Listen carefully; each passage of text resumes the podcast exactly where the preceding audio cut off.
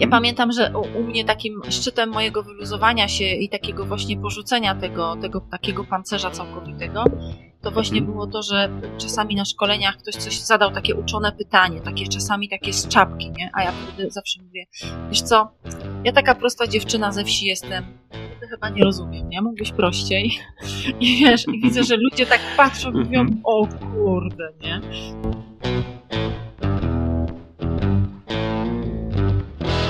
Cześć, nazywam się Tomek Miller, a to jest podcast Kaizen Miracle. Małymi krokami od pomysłu do zysku. Uczę, jak lepiej rozumieć pracowników, szefów i klientów. Uczę, jak aktywnie słuchać, żeby zwiększyć zyski, a klienci chętniej korzystali z Waszych usług. Ten podcast tworzę dla przedsiębiorców i tych, co chcą nimi zostać.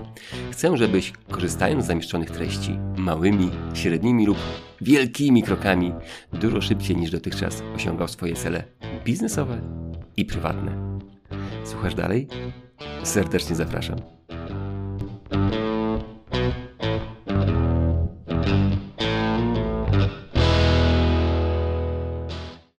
Cześć. Sporo młodych przedsiębiorców Uważa, że w sprzedawaniu swojej marki najważniejszy jest profesjonalizm i poważne podejście do tematu. Czy tak jest naprawdę? Czy klienci poszukują wyłącznie profesjonalizmu?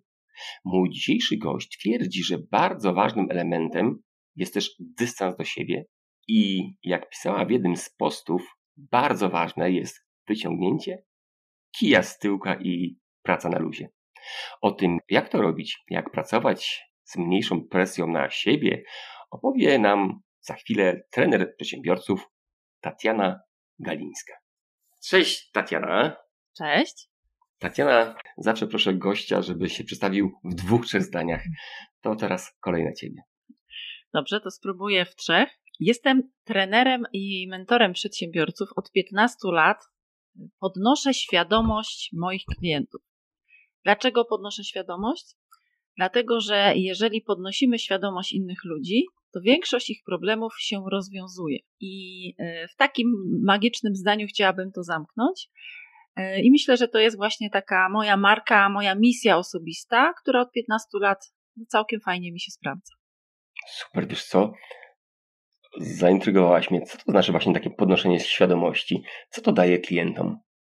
To daje bardzo dużo, no bo mm, ja używam takiej metafory, Y, która jest związana, jak pewnie każdy, każdy sobie łatwo to wyobrazi, z domem. Mamy piwnicę, mamy salon i mamy mhm. dach. Mhm. I do momentu, kiedy nie zaczyna coś w naszym życiu szwankować, czasami jest to okolica trzydziestki, czasami czterdziestki, to sobie tak, tak sobie żyjemy, czasami trochę w tej piwnicy. No jak jest w piwnicy, wiadomo. W piwnicy towarzyszą nam zupełnie inne emocje i uczucia. I w piwnicy bardzo często towarzyszą nam e, nasze lęki, y, nasze przekonania ograniczające. I tak sobie y, wiele osób, które siedzi jeszcze w tej piwnicy mentalnej, tak sobie myśli, w tym biznesie mi nie do końca tak idzie, to życie takie, nie mam na to wpływu, życie mi się przydarza, taki trochę tryb ślimaka, mamy dużo żalu, bardzo duża tam jest mieszanka emocji. I przychodzi taki moment w życiu naszego, każdego człowieka, że zaczynamy y, dostrzegać światełko w tunelu. To jest ten moment taki wyjścia z piwnicy, kiedy myślimy sobie, ok, czyli chyba mogę zrobić coś inaczej. Może to ze mną coś jest nie tak, może tu trzeba coś usprawnić, może to nie jest tak, że świat się pomylił, tylko może ja u siebie trochę poszukam. I to jest ten moment taki przełomowy, kiedy z tej piwnicy widzimy takie po schodach, tak wysoko patrząc światełko w tunelu i możemy trochę wyżej pójść. I wtedy wchodzimy do salonu. I wtedy zaczyna się ta przemiana, i to jest chyba odpowiedź na Twoje pytanie, czyli podnosi mi się poziom świadomości. Ja zaczynam coś widzieć więcej, więcej rzeczy rozumiem, rozumiem swoje zachowania, rozumiem swoje blokady, mogę na to spojrzeć inaczej. I wtedy na przykład, bardzo lubię ten przykład, mhm. jak siedzę w piwnicy, to te okazje, które mogą do mnie przychodzić, ja ich w ogóle nie postrzegam jako okazje, tylko postrzegam je jako zagrożenie. Ale kiedy podnoszę poziom swojej świadomości, kiedy więcej wiem o sobie, o swoich zachowaniach, o innych ludziach, o biznesie, patrzę trochę w, tak jak w salonie, gdzie już jest widniej, to nagle te same okazje, które do mnie przyjeżdżają, ja już postrzegam jako okazję, a nie zagrożenie. Na przykład tak działa w wielkim uproszczeniu też y, podnoszenie poziomu świadomości, czyli więcej wiem o sobie, więcej wiem o życiu. o tych wszystkich mechanizmach. Mhm, super, fajnie. Tatiana, dzisiaj mieliśmy już mówić o tej profesjonalizmie jeszcze. Mhm. No powiedz mi, czym jest dla Ciebie ten profesjonalizm? No to może tak, najpierw odpowiem bardzo osobiście, czyli czym jest dla mnie, ale też odpowiem, mhm. czym może być dla klientów. Okej. Okay. Hmm. Podwaliny profesjonalizmu wydaje mi się, że złapałam w mojej szkole trenerskiej. To było naprawdę ładnych parę lat temu, ale pamiętam, że y, nasi mentorzy, nasi prowadzący mówili nam wtedy taką rzecz. Pamiętajcie, że profesjonalizm w tym, co robicie, będzie widoczny bez względu na to, czy wy będziecie mieszkać i działać w Pcimiu Dolnym, czy będziecie mieszkać mhm. w Los Angeles i mieć tam klientów. Profesjonalizm, który masz w sobie, będzie z tobą zawsze i nie ma znaczenia, gdzie jesteś. E, mhm. I pamiętam, że nam wtedy też mówili taką bardzo fajną rzecz, że jeżeli ktoś jest profesjonalny, to zachowuje się tak zawsze. To nie ma takiej sytuacji, że tu sobie odpuści, tutaj stwierdzi, że może, a to może jednak, jak tu jest taki odbiorca czy taki klient, to ja trochę obniżę swoje standardy. Nie profesjonalność to jest coś, co jest, staje się naszą wartością. Dla mnie profesjonalizm to jest taka, oprócz oczywiście wiedzy merytorycznej, ale to jest też taka bardzo wysoka kultura osobista, z takim bardzo dużym szacunkiem do, do klienta, do innych. Y, I myślę, że mm, takim, taką kropką nad i w tym profesjonalizmie to jest chyba to, co bym nazwała spójnością.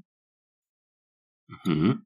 Spójność to jest coś, co mm, pokazuje nam, czy naszemu klientowi, naszemu odbiorcy, że y, użyłam takiej metafory, sama y, jem to, co gotuję.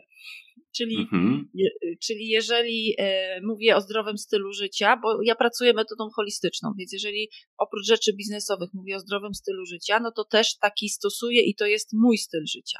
Jeżeli mówię na przykład, nie wiem, o właśnie osobistym BHP, o, o zwalnianiu, o slow, a nie tylko o tym, że trzeba szybciej, mocniej, no to też taka jestem.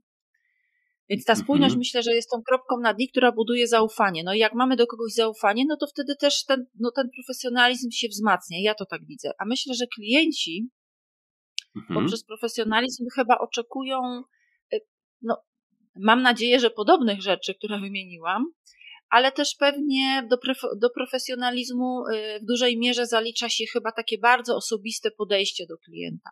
To jest takie profesjonalne, że ja nie lecę takimi gotowcami i, dla każdego mam identyczne rozwiązanie, tylko się staram jak najbardziej spersonalizować to, co mogę zrobić dla mojego klienta.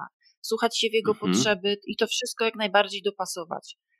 Myślę, że y, no, teraz mówię na podstawie moich doświadczeń, czyli co doceniają moi klienci. Na przykład to właśnie mówią, że w tej pracy nie ma osądu, że to wszystko jest takie bardzo doprecyzowane do mnie, takie dla mnie, że ja mam poczucie, że nie jestem jednym z wielu, tylko że jestem tutaj w jakiś sposób wyróżniona czy wyróżniony.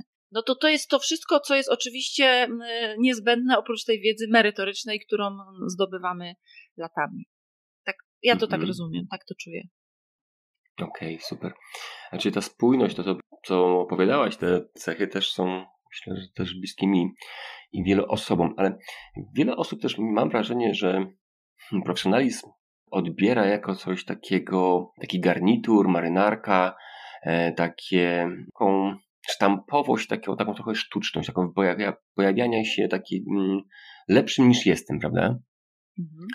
Czy to też jest profesjonalizm? W pewnym wydaniu jest. Ja powiem coś może teraz, co, y, no może to będzie kontrowersyjne, ale tak wiem, że tak jest, tak czuję i mam na to bardzo dużo potwierdzonych przypadków. Był taki czas, że pracowałam na uczelni. Mhm. To był taki mój trzyletni epizod, y, ja jako praktyk biznesu. Mieliśmy do czynienia z wieloma ludźmi, którzy byli super mega profesjonalni. To byli y, y, doktorzy, magistrzy, nie tylko magistrzy, doktorzy, profesorowie.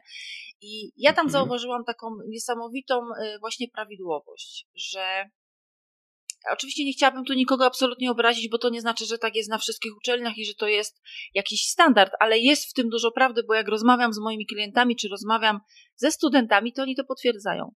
Że jak przychodzili na, na zajęcia praktycy biznesu, czyli ludzie, którzy mają za sobą pewne osiągnięcia, mają za sobą przepracowanych wiele rzeczy, no bo wiadomo, że prowadząc swój biznes, e, uczymy się bardzo dużo, no, nie tylko na błędach innych, ale na swoich też. Bardzo często ludzie biznesu też zaczynają iść w samorozwój, bo muszą po, przepracować pewne rzeczy, żeby ich, ich biznes się mógł rozwinąć. I na tejże uczelni pamiętam, że te zajęcia, oczywiście nie tylko mówię tu o sobie, mówię o wszystkich kolegach i koleżankach, praktykach biznesu, były oblegane. E, zawsze studenci mieli bardzo dużo pytań, bardzo dobrze się czuli e, i, ewidentnie było czuć, że, że jest między nami flow. Dlatego, że większość tych praktyków biznesu to byli ludzie, którzy nie byli nastawieni na pozerkę, tylko byli skupieni na tym, żeby dawać ludziom jak największą wartość. E, I forma tutaj była bardzo ważna, czyli wyciągnięcie z kijka powodowało, że ci studenci się luzowali. To nie znaczy, że oni to olewali, bo można być miękkim do ludzi, ale twardym do zasad. To się w ogóle nie wyklucza. Mhm. Z ciekawością potem na przykład mówili, że no ale jak my mamy zajęcia tam z jakimiś profesorami czy doktorami, to czasami jest tak, że ten kij w tyłku to jest taki, taki sterczący, że tam się nie da wysiedzieć i oni się nudzą. I, i uknuliśmy taki, taki wniosek, że y, Myślę, że wszędzie tam, gdzie ludzie mają nieprzepracowane jakieś swoje ogony, mm, mają takie programy, które powodują, że ch chciałabym, czy chciałbym być jeszcze bardziej profesjonalny, mam bardzo duży lęk przed kompromitacją, nie daję sobie prawa do popełnienia błędu, to wtedy mhm. właśnie bardzo często ten kijek w tyłku y, przybieramy i te, i te pozy, i to nie jest do końca takie 100% nasze. Po prostu to jest pewien rodzaj pozy. I Pamiętam, że w tej mojej szkole trenerskiej, y, to co powiedział mi mój mentor, jak kończyłam, on powiedział: Pamiętaj, że największy ekspert, taki naprawdę dobrze osadzony w sobie ekspert, ma w sobie bardzo duży dystans do siebie, bo on nie musi już nikomu nic udowodniać, bo on wie, on po prostu to wie. I tylko chodzi potem o to, żeby mieć w sobie umiejętność przekazania, żeby ekspert potrafił dzielić się swoją wiedzą.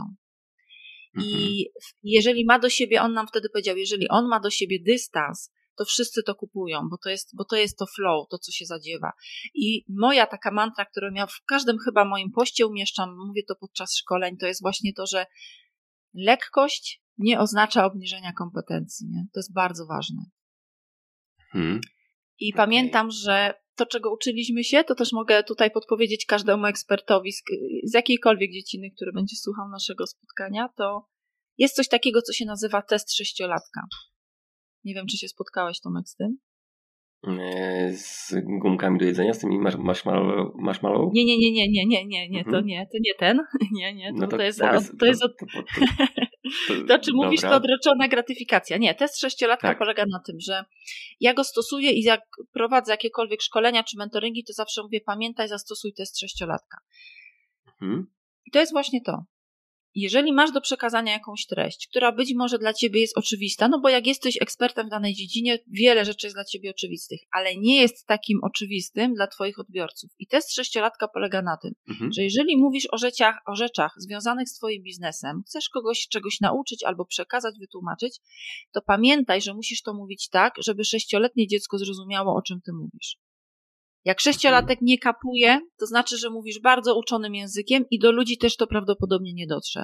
Ludzie nie chcą takiej e, nomenklatury, nie chcą tego slangu, ludzie chcą o trudnych rzeczach usłyszeć w sposób prosty. I test sześciolatka mi się zawsze sprawdza i jeszcze się nigdy nie spotkałam z mhm. tym, żeby ktoś mi powiedział, wiesz Tatiana, bo to co ty mówisz to takie frywolne, mało wartościowe. Nieprawda. Właśnie większość ludzi to docenia, że o trudnych rzeczach możemy mówić w prosty sposób. To jest element tak. wyciągania kija z tyłka. Okej, okay. a powiedz mi, jak się tego nauczyć? Jak ty to testujesz? Bo nie wiem, czy masz dziecko, a jakoś nie ma dzieci, to jak masz? Jak się ma tego, ten test sześciolatka przeprowadzić? Już mówię.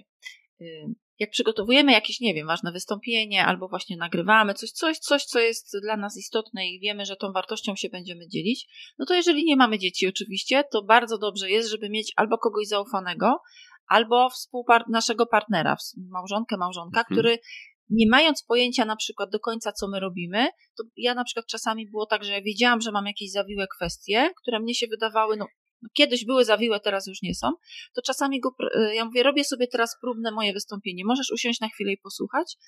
I on siadał i słuchał i na przykład mówi, nie, tego nie kumam w ogóle, co ty do mnie mówisz, nie, albo weź, weź to powiedz inaczej. I jeżeli jesteśmy otwarci na feedback, Mhm. Jeżeli to jest feedback, a nie krytyka, jeżeli jesteśmy otwarci na feedback, to wtedy widzimy, że rzeczywiście być może mówimy to w sposób zawiły i to jest za trudne. Warto zmienić i warto uprościć. Mhm. Dzięki za podpowiedź. Tatiana, jeszcze wcześniej coś powiedziałaś, mm, co mi się bardzo spodobało. Bądź miękki dla ludzi, twardy dla zasad. Jak to robić? Już mówię. Mam taką znajomą, y, też moją klientkę, która jest y, szefową bardzo dużego działu, żeby nie wchodzić w detale, i ona tam jest od roku. I y, jest, jest bardzo, ona właśnie świetnie stosuje tą metodę i teraz opiszę case, bo mi niedawno o tym mówiła, jak rozmawiałyśmy przez telefon. I to, to mhm. wygląda mniej więcej tak, że ona tam przyszła, objęła szefowanie tego działu i ona jest taką, takim bardzo mądrym menadżerem, który ma w sobie, łączy te elementy, bo ona z jednej strony jest taka trochę mama kwoka, która te swoje dziewczyny tam zagarnia, jak trzeba to przytuli, jak trzeba to bierze na bok i można się wypłakać i każdy ma poczucie takiego, właśnie tej miękkości do człowieka, czyli wiem, że jak ja mam problem, to ja mogę przyjść, że ona mnie wesprze, że zostanę wysłuchana. Natomiast ta twardość do procedur polega na tym, że czasami jest tak, że mm, trzeba stanąć, jeżeli on, no wiadomo, ona broni interesów swojego pracodawcy, ona broni interesów swoich, zespołu i tak dalej.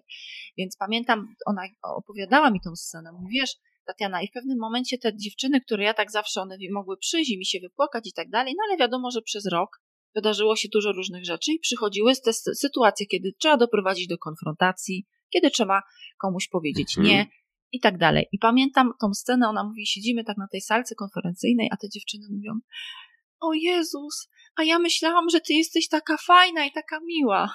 A ona mówi, -hmm. jestem. Zawsze taka będę. Natomiast w tej sytuacji procedura wymaga tego i tego i to jest to jest spójność, to jest zgodność.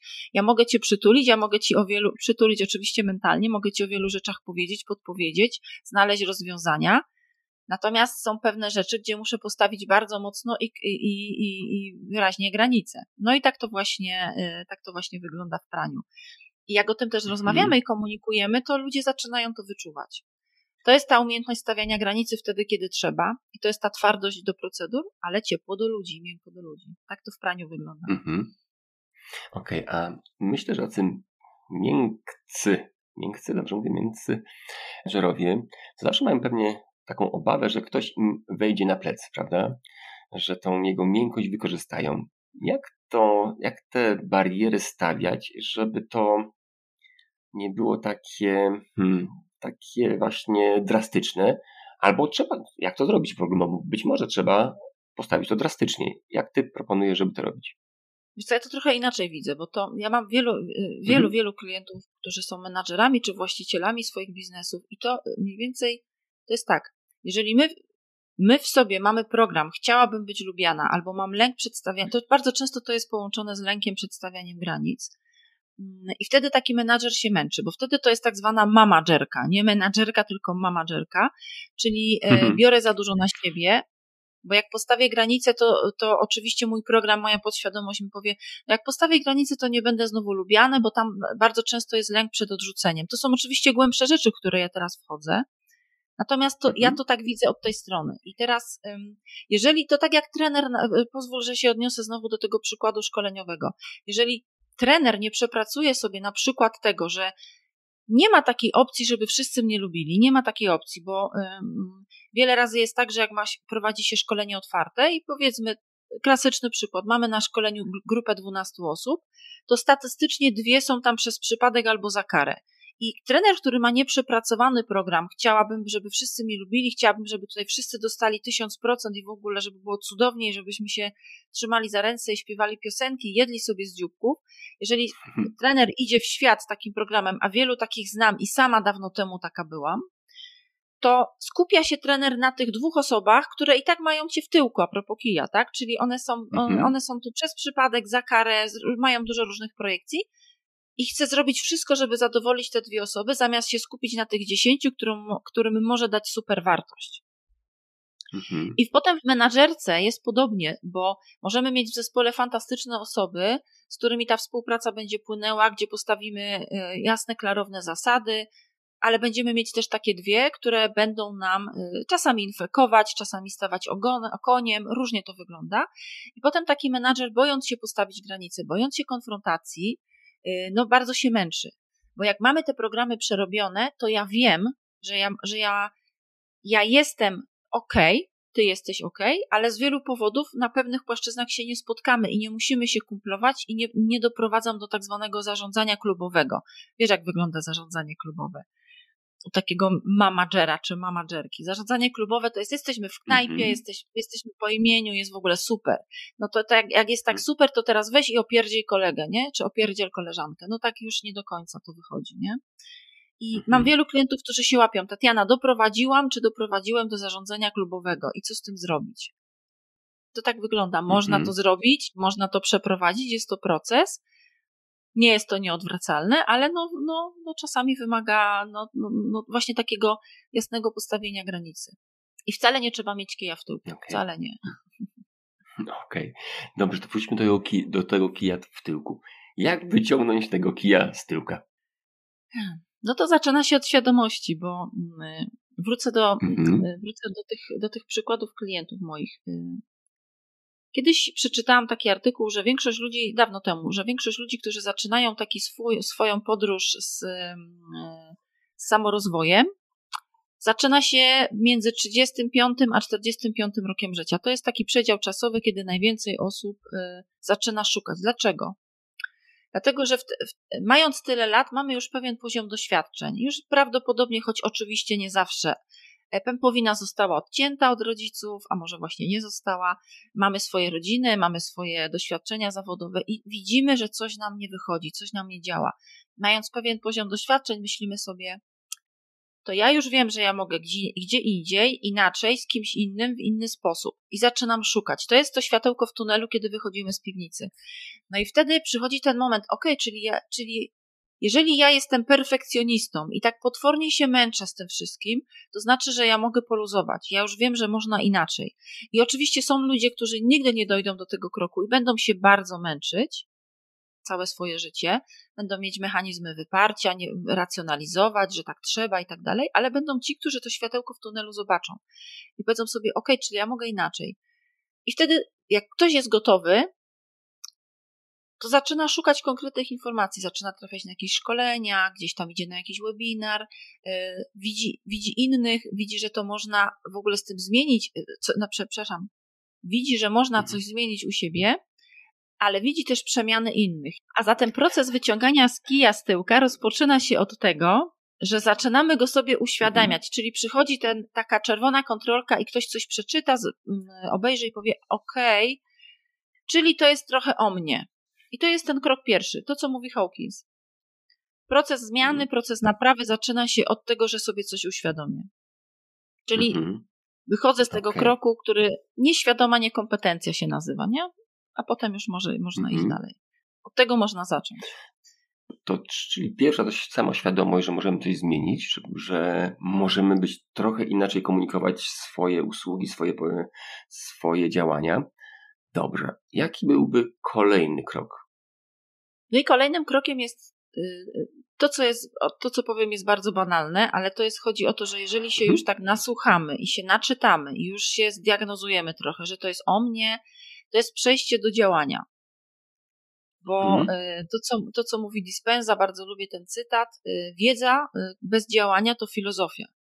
A tu mhm. nie chodzi o to, żeby być filozofem, tylko chodzi o to, żeby działać, więc no moja taka wewnętrzna coacherska natura zawsze mi mówi, no dobra, to pogadajmy o tym, to jest bardzo ważne, trzeba kogoś wysłuchać, trzeba uznać jego krzywdy, wiadomo, wiele rzeczy nam się po drodze wydarzyło, no bo przecież coś doprowadziło nas do tego stanu, wszystkie te mechanizmy, to, o czym ja często mówię, nikt z dzieciństwa nie wyszedł y, y, w całości. No i y, wtedy działanie, czyli praca na żywym organizmie, to co ja lubię najbardziej. Czyli jeżeli zauważam, że ja mam u siebie jakiś na przykład, nie wiem, bardzo duży perfekcjonizm, no to zaczynam pracować, nie wiem, indywidualnie albo idę na jakieś szkolenia, gdzie ja mogę zacząć pracować, jak puszczać perfekcjonizm, co ja mogę z tym zrobić, jak zaczynać inaczej się komunikować, jeżeli mam styl komunikowania się taki bardzo, nie wiem, zimny, analityczny, jestem taki, ja, ja, bardzo lubię to określenie pan tabelka albo pani tabelka i uważam, że w każdym zespole taka osoba jest bardzo potrzebna. Natomiast jej styl komunikacji na przykład jest taki, wiecie, bardzo taki super racjonalny. Mhm. Więc niedawno pracowałam z takimi dwoma menadżerami, którzy są analitykami finansowymi i ich sposób komunikacji, fantastyczni faceci, ale ich styl komunikowania był taki, że w firmie wszyscy się ich bali, nikt, jak ktoś miał otworzyć maila od nich, to, mhm. to było o matko boska, nie? Co to tam będzie? Mhm. Taki styl był. Więc chociażby taki krok, czyli mogę się z tym zmierzyć, mogę zobaczyć, jak ja mogę zmienić swój styl komunikowania się. Czyli znowu wiem trochę więcej i mogę się dowiedzieć, jak inni mogą reagować na to, w jaki sposób ja mówię, dlaczego oni tak reagują, czemu, czemu mnie nikt nie lubi i czemu wszyscy uważają, że ja jestem smerw ważniak w tej filmie. Czyli znowu ten krok, no to, mhm. to może zacznę od siebie co ja takiego piszę, jak ja mówię, czemu ci ludzie tak się zachowują. Bo innych lubią, a mnie nie. No to coś musiało na to wpłynąć, nie? Mhm. A czy to nie jest tak, że w naszych oczach często jesteśmy właśnie wyluzowanymi, mm, bardzo sympatycznymi ludźmi, e, których nikt, e, nikt inny nie rozumie, a w oczach innych jesteśmy zupełnie inni. Jak to, jak to zrobić, żeby też poznać siebie, nie? Bo to chyba, chyba chodzi o to, żeby pierw mhm. pozwolić sobie na to, że mogę sam być nie taki, jak ja siebie oceniam w lustrze, nie? No tak. To jest taka no też samoświadomość. Mhm. To jest samoświadomość. Mhm. Każda osoba, która zajmuje się samorozwojem, jestem przekonana, że powie to samo co ja, czyli zawsze zaczynaj od siebie. Mhm. Pozwól, że wrócę znowu do tej mojej szkoły trenerskiej, bo y, Pamiętam, że nasz prowadzący nam powiedział tak: jeżeli grupa czegoś nie rozumie, to nie jest wina grupy. Zawsze zacznij od mhm. siebie. To jest taka podstawa. I myślę, że każdy, kto się zajmuje samorozwojem, na pewno to potwierdzi. Zawsze zaczynaj od siebie. Co to znaczy? Sprawdź, czy być może na przykład trzeba było użyć testu sześciolatka, może nie dopasowałaś przekazu do odbiorcy, może mówisz za cicho, może mówisz za wolno, E, może mówisz slangiem, którego nikt nie rozumie, to jest bardzo ważne, a może masz jakąś pozę albo jakieś inne zakłócenia generujesz, które bardzo przeszkadzają innym ludziom. I teraz, e, jak wychodzimy z tej piwnicy mentalnej, to jest, to, to jest po, powinno być to związane z tym, że jesteśmy otwarci na informację zwrotną. Przyjmowanie feedbacku jest wielką sztuką. Ja to zawsze podkreślam. Nie tylko jej dawanie, ale przyjmowanie. I naprawdę w mhm. zespole fantastycznie się pracuje, wszędzie tam, gdzie mamy bardzo jasno i klarownie powiedziane, że posługujemy się feedbackiem i jesteśmy na niego otwarci. To jest bardzo ważne, bo to, to przynosi, a propos tego luzu, to przynosi taki, naprawdę takie wytchnienie i taką świadomość, że ja wiem, że ja mogę powiedzieć, mogę udzielić informacji zwrotnej, ktoś ją przyjmie i tam nie będzie fochów, tam nie będzie obrażania się. I teraz, jeżeli ja mam to przepracowane, to to bardzo fajnie widać w takich relacjach biznesowych. Jeżeli y, ktoś sam poprosi o feedback, czyli coś robi, coś powiedział i tak dalej i mówi, słuchaj, ale daj mi feedback, możesz mi dać feedback, to to widać w, niego, w nim gotowość i otwartość. Albo inaczej, ktoś mówi, słuchaj, mogę ci dać informację zwrotną, a ta druga osoba mówi, jasne, dawaj. To widać, że to ma przepracowane, widać, że to jest ten poziom otwartości. Natomiast mhm. jeżeli ktoś się obrazi, oczywiście mówimy o poprawnie, profesjonalnie udzielonej informacji zwrotnej, a nie krytyce typu daj spokój, ale to spierdzieliłeś w ogóle bez sensu, weź się zamknij, nie? No to wiadomo, że to nie jest feedback. Ale jeżeli znamy intencję feedbacku i wiemy, czemu ma służyć, jesteśmy na niego otwarci, no to jest ewidentny etap, że wyszliśmy dawno temu z piwnicy. Mam takiego kolegę, mhm. którego uwielbiam i on ma taką naszą wewnętrzną ksywę daj mi feedback. Mhm dlatego że cokolwiek robimy razem, czy jakiś projekt szkoleniowy, czy jakieś inne rzeczy, to jak skończymy, to on zawsze tak fajnie, charakterystycznie robi rękami, tak, dajcie mi feedback, dajcie mi feedback. Dlaczego? Mhm. Dlatego, że bardzo szybko jesteśmy w stanie zweryfikować, co robiliśmy dobrze i ewentualne jakieś możemy wprowadzać korekty tego, co tam powiedzmy nie dociągnęliśmy, albo nie mieliśmy nawet pojęcia, że coś takiego robimy. Mhm. I to jeszcze no? mhm. Ja tu jeszcze chciałem coś zaznaczyć, co ty powiedziałaś, a to chyba uważam, że jest mega istotne. Bo powiedziałaś, mm, bo często my radzimy innym tak. i inni tego nie chcą. Inni tak. po prostu tego, tej, tej rady nie chcą. Ja radzę, żeby się pytać innych, czy mogę dać ci feedback. To jest zupełnie co innego. Bo to jest na, na tym poziomie, to jest ty pytasz tej osoby, czy ona to chce bo często nie chce. A jeżeli narzucamy komuś feedback, mówimy, wiesz, to, co zrobiłeś źle, to może być zupełnie odwrotnie odbierane i to jest, no, ja to nazywam pewną rodzaju agresji. Ja chcę, żebyś zrobił, jak ja uważam, a nie tak, tak, tak, że ja chcę cię skorygować, poprawić, żeby tobie było lepiej. Także myślę, że to, to też jest taki element, który warto o tym wspomnieć. Oczywiście, tak, zgadzam się z Tobą całkowicie. Y, to tak jak z lekiem słuchania, albo możemy dawać komuś radę, czyli w ogóle tak, tak. właściwie tak. no nie, kompletnie nie słucham, co on mówi, tylko jestem mistrzynią dawania rady.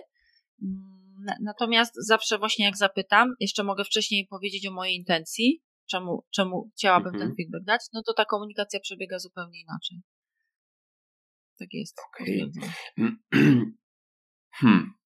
Jak rozpoznać, kiedy, czy można rozpoznać w ogóle, kiedy zaczynamy być śmieszni, a kiedy mamy lekko, lekko wyciągnięty ten kijek z tyłka, bo czasami z jednej skrajności ludzie wpadają w, drugi, w drugą, tak. że są jednego dnia mega profesjonalni, tacy on e, a drugiego dnia jesteśmy luźni, jesteśmy impreza i tutaj mówię, jak to było na imprezie, co było fajnie. I kiedy ja uważam, że każda skrajność nie jest e, odpowiednia. Jak znaleźć ten moment, kiedy jesteśmy spójni ze sobą, trochę lekko, ale nie już nie śmieszni i niezbyt poważni, nie?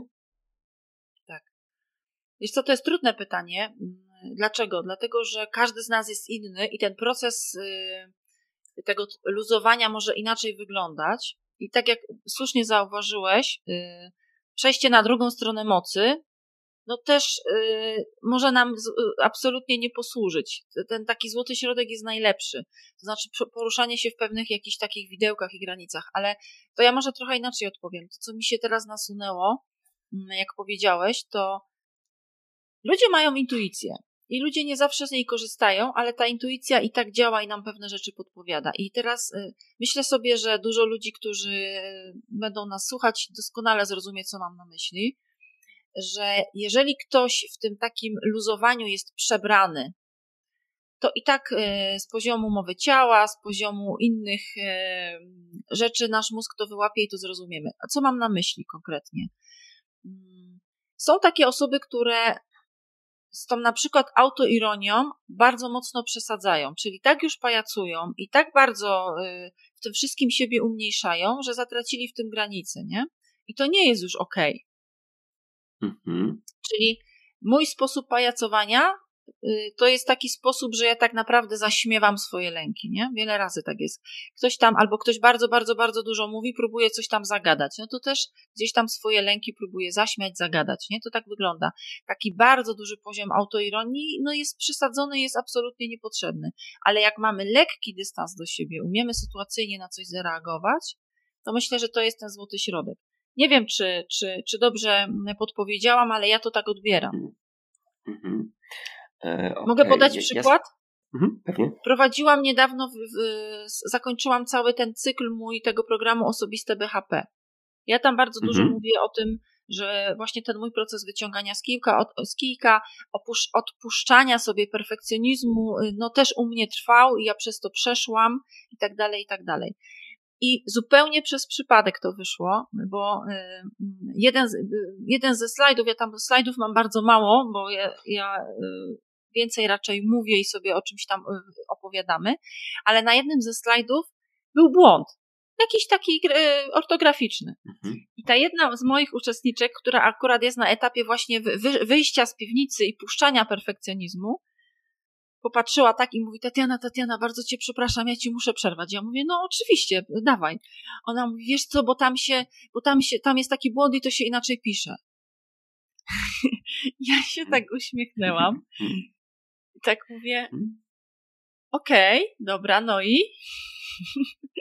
I, I taka mhm. konsternacja zapanowała, bo wiesz, ja, ja na to spojrzałam i się uśmiechnęłam. Mówię, o jak fajnie, że to zauważyła, to i idę dalej z mhm. materiałem, a widzę, że ona jest taka w takim głębokim procesie, nie? Ja mówię, wiesz co, mhm. y, cieszę się bardzo, że mi na to zwróciłaś uwagę, ale w tym momencie, w całym, w całym naszym programie, czy to ma jakieś znaczenie merytoryczne? No nie ma. Y, nie myli się ten, co nic nie robi. Mnie się zdarzyło, nadam 10 slajdów, w jednym jest byk. Okej, okay, ja to poprawię, ale nie widzę powodu, mhm. żeby się nad tym jakoś bardzo roztrząsać. Nie wstydzę się, nie mam poczucia winy i nie będę się biczować, ale ci dziękuję. I ona mhm. tak, taka zadumana, tak siedzi, siedzi i mówi tak, wiesz co? To ja już teraz zrozumiałam, co to znaczy, że ty mówisz, że się wyleczyłaś z tego perfekcjonizmu. Mhm. Okej. Okay. Na przykład. Super. Mm, ja jeszcze tak też swoim klientom podpowiadam i nie wiem, czy się z tym zgodzisz, czy nie, że te osoby, które są tak już mega perfekcyjne, to one nigdy nie przejdą na tą drugą stronę. Bo on z tego perfekcjonisty, żeby tam dojść do tego ośmieszania, czy do, do, do tego momentu, kiedy już jest śmiesznym, jest bardzo daleko. Także ja zalecam im, żeby oni popuszczały te wodze fantazji swoich lekko. E, one i tak nie przejdą tam, gdzie, gdzie jest to ośmieszenie. Tak ja mam takie wrażenie, że one już można kogoś zmienić trochę, zmodyfikować, ale całkowicie chyba jest ciężko. Co o tym sądzisz? Czy ciężko? Y, to na pewno jest proces, czyli to jest tak, że to nie zrobimy tego w tydzień albo dwa, no bo jeżeli ktoś ma 35 mhm. lat albo 45 i już w jakichś strukturach, takich tych swoich schematach pracował przez wiele lat, no to to się dzieje na wielu poziomach, bo to jest i poziom mentalny, i fizyczny, bo to wszystko jest tutaj zaangażowane. Mm, mhm. I to nie jest tak, że tego się nie da zrobić, no bo pewnie wielu psychologów powie, no taki mamy temperament, osobowość i w ogóle, i to tutaj już nie drgnie. Mhm. No ja myślę, że można dokonać bardzo, bardzo dużej korekty i ona już przynosi bardzo duże zmiany w funkcjonowaniu. Tak. Pewnie mhm. jakieś rysy zostaną i pewnie jeżeli perfekcjonista, który miał bardzo wyśrubowane i wysokie standardy, uświadomi sobie, że jest coś pomiędzy, że można działać na poziomie wystarczającym, tym takim I'm enough, to już mhm. przychodzi dużo więcej przestrzeni i energii życiowej do jego życia, e, ale musi też pracować na żywym organizmie, czyli bardzo świadomie podejmować te swoje działania i widzieć z tych takich standaryzacji, którą sobie robimy, wybrać ten y, mhm. wystarczający. I myślę, że to już bardzo dużą mhm. zmianę przynosi. A potem się to tylko, to tak jak z tak. dzieckiem, które się czegoś uczy, potem się to pogłębia, czyli jak widzę, że tu poluzowałam, tu jest, że ja mogę inaczej, że tu jest fajniej, że tu trochę lżej mi to przychodzi, że nie muszę zbawiać mhm. świata, to chcę tego robić więcej. I potem możemy dojść do takiego stanu, że mamy, ja kiedyś ten, okay. taki post napisałam, nie? że mamy ten post, taki, ten perfekcjonizm pozytywny, czyli ten, który wprowadza dobre, takie dobre praktyki, czyli że bubla nie wypuścimy, że, że nie będzie tam jakichś zaniedbań, ale nie będzie to takie chore, nie? Mhm. Tatiana, co nam daje lekkość w biznesie? Ja myślę, że lekkość w biznesie daje nam to, że przyciągamy klientów. Ja to tak mogę mhm. powiedzieć. Okay. Mm, bo klienci wtedy czują, może inaczej. Mhm. Klienci, y, wyobraźmy sobie taką sytuację. Ktoś się ma zapisać na konsultację. Sam fakt, że ja się muszę z kimś skonsultować, napawa mnie tym, że już mnie trochę somatycznie, na przykład boli brzuch, trochę się obawiam tego, co tam będzie, i jak to będzie. No i teraz, jeżeli zderzamy się po drugiej stronie z takim y, bardzo, bardzo zimnym, profesjonalnym panem, panem czy panią tabelką, no to oczywiście ja się czegoś dowiem, te merytoryczne rzeczy będą, fajnie, ale gdyby ta osoba była taka, wiecie, no cieplejsza w obyciu, to przypuszczam, że chętniej z tych konsultacji bym korzystał, czy korzystała. Bo może się hmm. zdarzyć, że ten właśnie super racjonalny pan tabelka, który ma bardzo dużą wiedzę merytoryczną, może ją trochę zmiękczyć, może zmiękczyć sposób przekazu i chętniej ludzie będą do niego przychodzić. Ja to tak widzę, ja to hmm. widzę po moich klientach, że jak zaczęłam puszczać te takie super, taki, ten taki profil super profesjonalnej, to dużo więcej ludzi wokół mnie jest, dlatego że ludzie ten, ten, ten lęk mają, tą obawę mają dużo bardziej mniejszy. Po prostu ludzie mają mhm. wtedy mniejsze obawy. I mhm. pamiętam, mogę znowu podać przykład? Tak.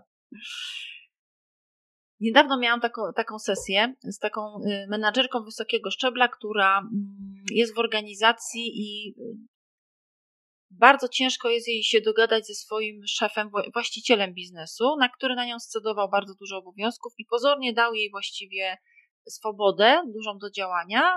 Pewne rzeczy musiała posprzątać, poukładać. Ona to fantastycznie zrobiła w bardzo szybkim czasie ale jednocześnie po tych paru miesiącach ona widzi, że no jednak on jej podcina skrzydła i dalej już tutaj nic więcej nie zrobi. I nie mhm. chciałaby być osobą, która mając bardzo duży poziom doświadczeń, świetna merytorycznie, nie chciałaby być w roli takiej miotły, która znowu pójdzie do kolejnego działu i tam zacznie znowu, bo ma taki talent do usprawniania procesów i rzeczy, że znowu pójdzie tam mhm. i znowu posprząta, miną cztery miesiące i znowu gdzieś tam pójdzie dalej. I to takie było dla niej słabe.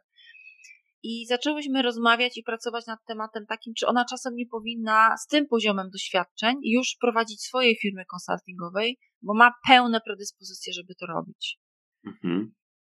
I mówię tutaj i o feedbacku, i o tej przestrzeni takiej. I, zaczynałyśmy nasze spotkanie trzy dni temu i ona mówi do mnie tak, wiesz co, muszę ci coś powiedzieć na początek. Ja mówię, no dawaj. Dzisiaj przed spotkaniem już byłam na kroku, żeby A, odwołać to spotkanie, B, somatyzowałam, bolał mnie brzuch i byłam mhm. wkurzona na ciebie, na siebie, na wszystkie jakieś takie mhm. rzeczy. Muszę ci to mhm. powiedzieć. Ja mówię, no ja się bardzo cieszę, że mi to powiedziałaś. To mhm. teraz się przyjrzyjmy, przyjrzyjmy się temu. Ona mówi, no właśnie, przyjrzyjmy się temu, czego ja się tak bardzo bałam, nie? Ale ona mówi, mhm. wiesz, to, że ci to teraz powiedziałam, to dla mnie jest takie super fantastyczne. Ja się tak dobrze czuję, bo ja wiedziałam, że tutaj się nic nie wydarzy, że ja mogę o tym powiedzieć na totalnym luzie i że ty to przyjmiesz. I to jest właśnie to, o czym mhm. mówiłam dzisiaj, o tym y, feedbacku w zespole. Czyli jak mamy w sobie pełną otwartość, że ktoś ci powie o tych swoich emocjach, to nie będzie po drugiej stronie focha, obrażania się, tylko będzie właśnie taka, okej, okay, świetnie, to pogadajmy o tym, nie? Mhm. Okay, I ona czyli... właśnie powiedziała mi, że no, cieszę się, że, że mhm. wiedziałam, że mogę to powiedzieć i że tutaj nie będzie żadnego focha, obrażania się i o Jezus, a czemu, czemu ty masz takie emocje w sobie? Tylko właśnie wręcz przeciwnie. Fantastycznie, że mi o tym mówisz, nie? Super. Fajny przykład. Czyli ta lekkość, podsumowując, daje nam to, że klienci chętnie z nami współpracują, bardziej się przed nami otwierają. Tak, i. I po prostu lepiej nam się współpracuje z naszymi klientami, a przez to oni też będą polecać nam in, nas innym, prawda?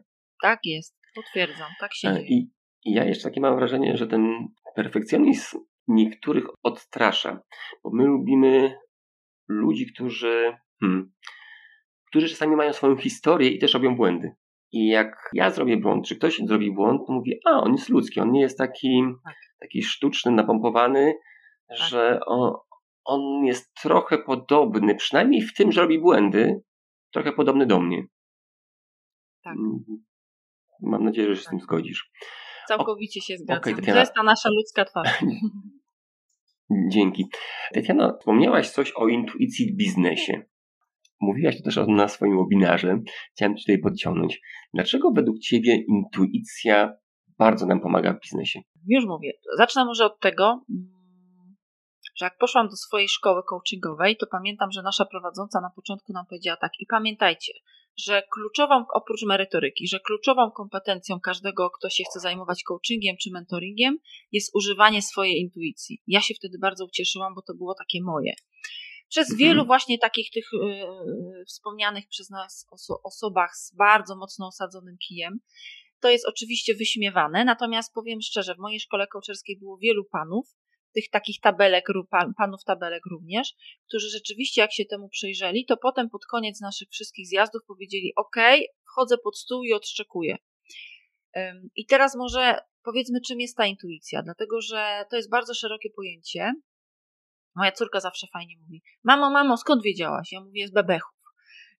Ona mówi: ale, mhm. ale jak to? Intuicja to jest podświadome sięganie do naszych wcześniejszych doświadczeń. Nie tylko naszych, bo jest też coś takiego jak podświadomość zbiorowa. Nasze ciało wie. Mamy pamięć mhm. komórkową, o której mówi już teraz nauka w bardzo sposób otwarty. Pamięć komórkowa pamięta rzeczy do, do trzech pokoleń wstecz nasza pamięć komórkowa niesie wiele emocji, wiele rzeczy, dlatego niektóre rzeczy po prostu czujemy i wiemy. Nasze ciało wie i ciało ci powie. Jak słuchasz swojej intuicji, masz na to uważność, to ona ci bardzo dużo powie. Czasami na przykład wykrywamy, że ktoś nie mówi prawdy. Może się bardzo dobrze z tym wszystkim e, kryć, może mowa ciała nie do końca gdzieś to tam zdradzi, ale czujesz na przykład w splocie słonecznym taki niepokój, czujesz, że coś cię tam, myślisz sobie, kurde, coś było nie tak. Ludzie przy rekrutacjach, ktoś ma rozwinięty poziom właśnie taki intuicyjny, to ma, mówi, że ja mam intuicję do ludzi, bo słucha swojego ciała, obserwuje, coś mi mówi, że tu nie gra, coś mi, tylko pytanie co? No właśnie, bo twoje ciało wie, twoja podświadomość odszukuje już pewnych sygnałów. I bardzo często ta osoba mówi, bardzo rzadko mi się zdarzyło, żeby to, co, jak posłuchałam swojej intuicji, żeby się nie zgadzało. To intuicja ci podpowiada, czy iść na to spotkanie, to intuicja ci mówi, to będzie fajny biznes. Tylko trzeba mieć mhm. odwagę, żeby się na nią otworzyć. Mhm. Y, obserwować swoje ciało. Czy pierwsze twoje takie myśli były. I potem wiele ludzi, wiesz ile razy, może Tomek też to słyszałeś, ktoś mi mówi, kurde, a pamiętam, że coś mi mówiło, nie rób tego. No to właśnie coś mi mówiło, nie rób tego. No to twoja intuicja już ci krzyczała czasami, nie? Nie rób tego, tylko odważ się jej posłuchać. Bo ciało ci mhm. zawsze powie, nie? Okej, okay, a z drugiej strony ja mam takie wrażenie, że jeszcze jest coś innego i tu chciałem tak trochę hmm. chyba doleję doliwy do ognia, bo ja mam wrażenie, że nasz mózg gadzi, hmm. lubi, żebyśmy pozostawali w, w miejscach, które już znamy. I e, mózg gadzi mówi, lepszy jesteś żywy niż spełniony niż szczęśliwy. Mhm. E, I właśnie kiedy intuicja może mi podpowiedzieć, żeby zrobić coś, a kiedy mózg gadzi powie, nie, nie rób tego, bo, bo jest dobrze tak jak teraz i zostań w tej piwnicy. Bo tutaj czasami myślę, że może być problem z tym, kiedy właśnie jest pozostawanie tej piwnicy i siedzenie tam, bo tak mówi mózg gadzi, bo jest wygodnie, a znaleźć tą intuicję mówi, jednak idzie do tego światełka. Gdzie tą intuicję wyszukiwać u siebie jak to robić? Wiesz to, to jest tak trochę jak z, jak z nowym nawykiem. Ja się, moim mentorem jest Joe Dispenza, który mówi bardzo dużo o neuroplastyce mózgu i mhm. on mówi tak, że jestem po kolejnym kursie jego i jestem zakochana w tym, jak, on pracuje. I on mówi tak, nasze jakiekolwiek zmiany w naszym życiu e, polegają na tym, żeby każdego dnia dokonywać innych decyzji i wyborów. I to jest, to jest takie proste i banalne, ale takie trudne w tym wszystkim. Nie dokonywać innych decyzji i wyborów. E, i żeby nowy nawyk, bo słuchanie intuicji jest niczym innym jak wyrobieniem sobie nawyku słuchania intuicji, bo możemy mieć nawyk mhm. niesłuchania intuicji i możemy mieć nawyk słuchania intuicji. Tak jest z nawykami. Nie wiem, czy, czy znasz, czy znacie tą książkę, którą też bardzo, bardzo polecam, Atomowe Nawyki, bo tam jest też z poziomu mózgu bardzo dużo. Mhm. I słuchanie swojej intuicji jest na początek stworzeniem ścieżki neuronalnej w mózgu, czyli czym częściej, to tak jak z mięśniem, czym częściej jej słucham, mhm.